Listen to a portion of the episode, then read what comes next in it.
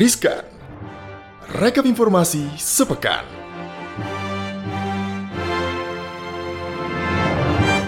Selamat pagi, selamat siang, selamat sore, selamat malam Sobat Cuan. Apa kabar? Hai. Halo, jumpa lagi dengan gue Anak Wijaya.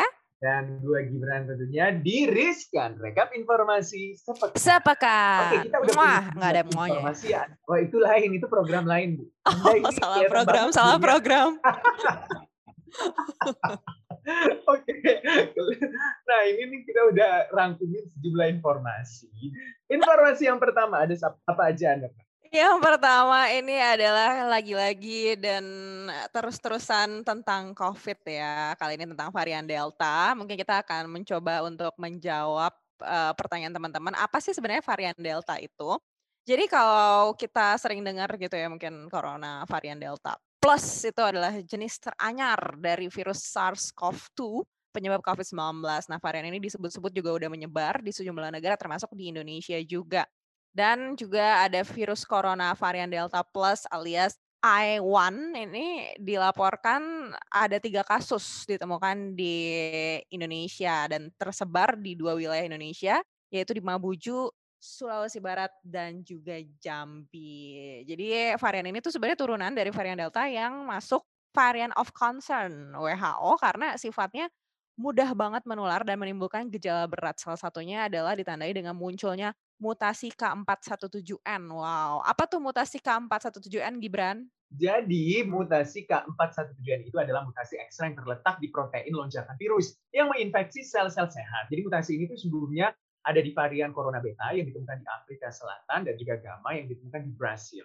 Jadi sebenarnya untuk gejala dari virus varian delta ini kalau kita uh, kutip dari Hindustan Times setidaknya ada beberapa ciri-ciri seperti batuk, diare, demam, sakit kepala, ruam kulit, terus perubahan warna pada jari, tangan dan juga kaki, terus nyeri dada, sesak nafas. Dan para ahli ini mengumpulkan gejala lain yang dikaitkan dengan varian Delta Plus, yaitu sakit perut, mual, dan juga kehilangan nafsu makan.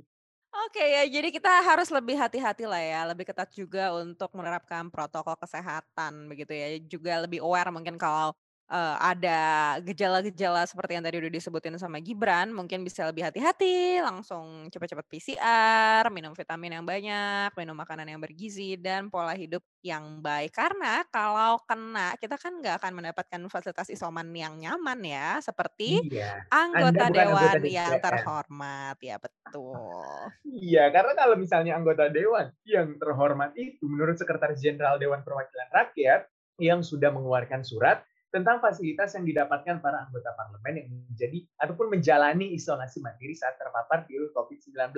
Jadi menurut Sekjen DPR itu dari keputusan yang dituangkan dalam surat bernomor SJ garing 09596 garing Sekjen DPR RI garing DA garing 07 garing 2021 yang ditekan Sekretaris Jenderal Indra Iskandar.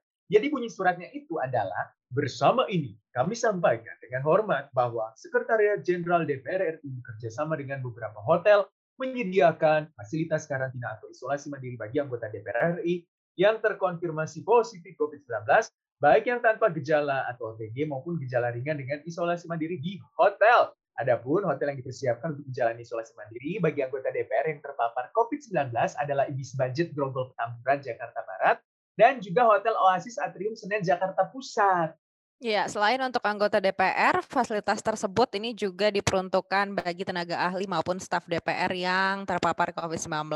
Tapi fasilitas ini ditekankan tidak termasuk bagi anggota keluarga Dewan Parlemen katanya ya.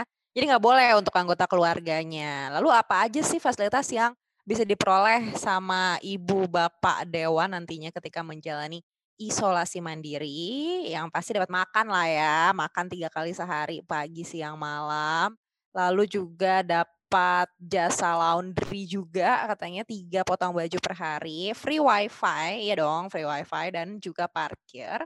Lalu juga mendapatkan konsultasi dokter melalui telepon setiap hari. Dokternya itu adalah Dokter Fahri dari Laboratorium Amelia Clinic dan Prolepsis. Dan juga akan dapat kunjungan dokter atau perawat 2 sampai 3 kali dan mendapatkan vitamin. Dan juga satu kali tes PCR di hari ketujuh. Wow, banyak juga ya fasilitasnya. Tapi semoga ketika sudah dapat fasilitas ini pemulihannya jadi semakin cepat, jadi semakin cepat bekerja juga begitu ya. Meskipun Hmm. ada studi terbaru juga nih terkait dengan COVID-19. Apa tuh Gibran? Jadi studinya itu uh, mengklaim bahwa kecerdasan bisa turun usia positif COVID-19. Wah, ini mengagetkan banget ya, karena kan kita ketahui bahwa banyak orang gitu kan yang terkena COVID-19. Jadi mungkin bisa disimak baik-baik. Jadi sebuah studi baru di Inggris mengatakan bahwa kecerdasan seseorang itu bisa menurun setelah terinfeksi COVID-19 dalam tes kecerdasan yang digelar rata-rata mereka juga yang sembuh dari COVID-19 mendapatkan skor buruk. Mungkin lagi nggak belajar, bukan karena uh, habis kena COVID gitu. Jadi habis kena COVID kan nggak pernah belajar ya, Wak ya. Jadi iya, mungkin karena kelamaan ya, belum panas otaknya karena udah terlalu lama isoman. Benar. Jadi kalau dikutip dari news.com.au, hal ini dipaparkan oleh ilmuwan otak dari Imperial College London yang berbagi hasil studi dengan Great British Intelligence Test. Jadi penelitian ini juga diterbitkan dalam jurnal Lancet Clinical Medicine. Jadi tes kecerdasan ini diketahui dilakukan secara online oleh 81.337 orang antara Januari sampai Desember 2020. Sebanyak 13.000 orang di antaranya telah terinfeksi COVID-19. Jadi setelah memperhitungkan variabel seperti usia, riwayat medis, dan juga pekerjaan, para peneliti menemukan mereka yang tertular virus ini berkinerja lebih buruk dari yang diharapkan. Jadi disebutkan mereka yang menggunakan ventilator saat terpapar COVID mengalami defisit terbesar penurunan IQ, yaitu 7 poin. Lumayan ya 7 poin ya. Ini kalau menurut para peneliti defisit yang paling menonjol adalah paradigma yang memanfaatkan fungsi kognitif seperti penalaran, pemecahan masalah, perencanaan tata ruang, dan juga deteksi target. Wow, ini sesuai juga dengan laporan long COVID karena kabut otak. Jadi katanya mungkin otaknya ada kabut gitu ya, jadi lebih sulit berkonsentrasi dan juga lebih sulit menemukan kata-kata yang benar begitu ya. Tapi ini menurutnya juga hal biasa gitu ya. Long COVID-19 ini adalah gejala sakit berkepanjangan yang diderita seseorang setelah dinyatakan negatif COVID-19. Pusat Pengendalian dan Pencegahan Penyakit di Amerika Serikat atau CDC sudah melakukan penelitian lebih lanjut juga untuk memahami hal ini khususnya dalam jangka panjang. Berapa lama pulih hingga gejala yang dirasakan. Nah, gejalanya itu seperti kelelahan, kesulitan bernafas, batuk, sakit sendi, dan juga dadanya katanya sakit gitu ya. Nah, gejala mungkin lainnya itu yaitu agak sulit berpikir begitu ya. Kemudian juga depresi, lalu juga sakit otot, sakit kepala, demam, dan juga jantung berdebar. Sebenarnya agak berbahaya juga ya, tapi kan ya ini masih studi begitu ya, dan mungkin juga nanti ada perkembangan juga dari studinya gitu kan, ini kan um, suatu proses yang terus berkembang. Dan juga mungkin saja di masa pemulihan ini juga, juga bertahap gitu ya untuk pulih sampai ke kondisi normal begitu ya. Nah, kita akan lihat nih kalau teman-teman mungkin ngerasa yang udah um, negatif tapi agak-agak lemot mungkin ini juga boleh cek lagi gitu ya mungkin ini adalah uh, salah satu pengaruh dari yang tadi dikatakan oleh studi ini. Benar banget. Next kita lihat ya, ini ada informasi yang cukup mencengangkan juga terkait bagaimana uh, bukan masalah COVID tapi masalah limbah beracun. Nah kalau kita lihat ini pemerintah Indonesia untuk kesekian kalinya kecolongan atas masuknya sebuah kontainer impor yang berisi limbah B3 alias limbah beracun dan juga berbahaya. Hal ini juga dikemukakan oleh Menteri Lingkungan Hidup dan Kehutanan Siti Nurbaya dalam konferensi pers usai mengikuti rapat terbatas bersama Presiden Joko Widodo secara virtual. Ibu Siti menegaskan sikap pemerintah sejak awal sudah jelas, yakni menolak dengan tegas limbah B3. Pemerintah juga tidak akan mentolerir keberadaan impor limbah B3 maupun limbah medis jadi sebagai informasi nih, ini bukan pertama kalinya Indonesia kemasukan limbah beracun. Pada Maret 2021 lalu pemerintah mengungkap adanya produk tekstil China yang dibuat dari bahan baku yang tidak semestinya. Bayangin kita kirain impor bahan baku, bahan baku mentah, ini impor bahan berbahaya. Iya, jangan dibuang ke negara orang dong ya. Kita sendiri kan juga sedang berjuang untuk gimana nih manfaatin limbah, apalagi limbah medis gitu ya terutama juga kalau kita lihat ini banyak negara-negara lain juga udah mulai takut untuk mengirim warganya ke sini. Bahkan negara Arab Saudi akan memperlakukan larangan bepergian hingga tiga tahun bagi warga yang nekat bepergian ke negara-negara yang masuk daftar merah COVID-19.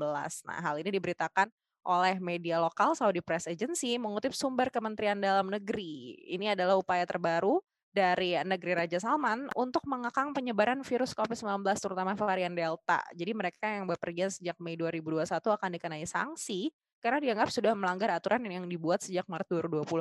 Lah lagian kenapa bisa dikasih keluar ya kalau memang nggak boleh? Agak membingungkan juga peraturannya. Benar banget. Kalau kita lihat sebenarnya eh, apa ya agak diskriminasi gitu terhadap negara kita ya, apalagi Indonesia. Apalagi kita ketahui bahwa sebenarnya bukan cuma Arab Saudi aja kan beberapa negara juga udah meninggalkan negara kita gitu, termasuk China, Amerika Serikat dan lain-lain. Jadi bisa dikatakan karena kepercayaan eh, negara lain terhadap negara kita agak pupus gitu karena angka positif COVID-19 di Indonesia itu semakin eh, tinggi gitu kan. Jadi mungkin pemerintah dari negara lain melihat uh, kita belum mampu menanganinya. Benar nggak? Iya, tapi kita akan buktikan setelah selesai PPKM ini dengan penurunan kasus. Amin. Karena kalau kita lihat kemarin-kemarin juga sudah ada penurunan ya, meskipun belum sesuai target pemerintah. Benar banget. Nah, itu dia yang menjadi informasi kita sepanjang minggu ini yang banyak dibaca tentunya di cnbcindonesia.com. Jangan lupa dengerin kita Cop Cuan di Apple Podcast, Google Podcast, dan juga Spotify. Dan juga jangan lupa follow akun Cop Cuan di Instagram at cuap underscore cuan dan akun YouTube di Cuap Cuap Cuan. Kita mau pamit dulu ya. Saya juga. Saya Anaka Wijaya. Sampai jumpa di Riskan berikutnya. Dadah. Bye.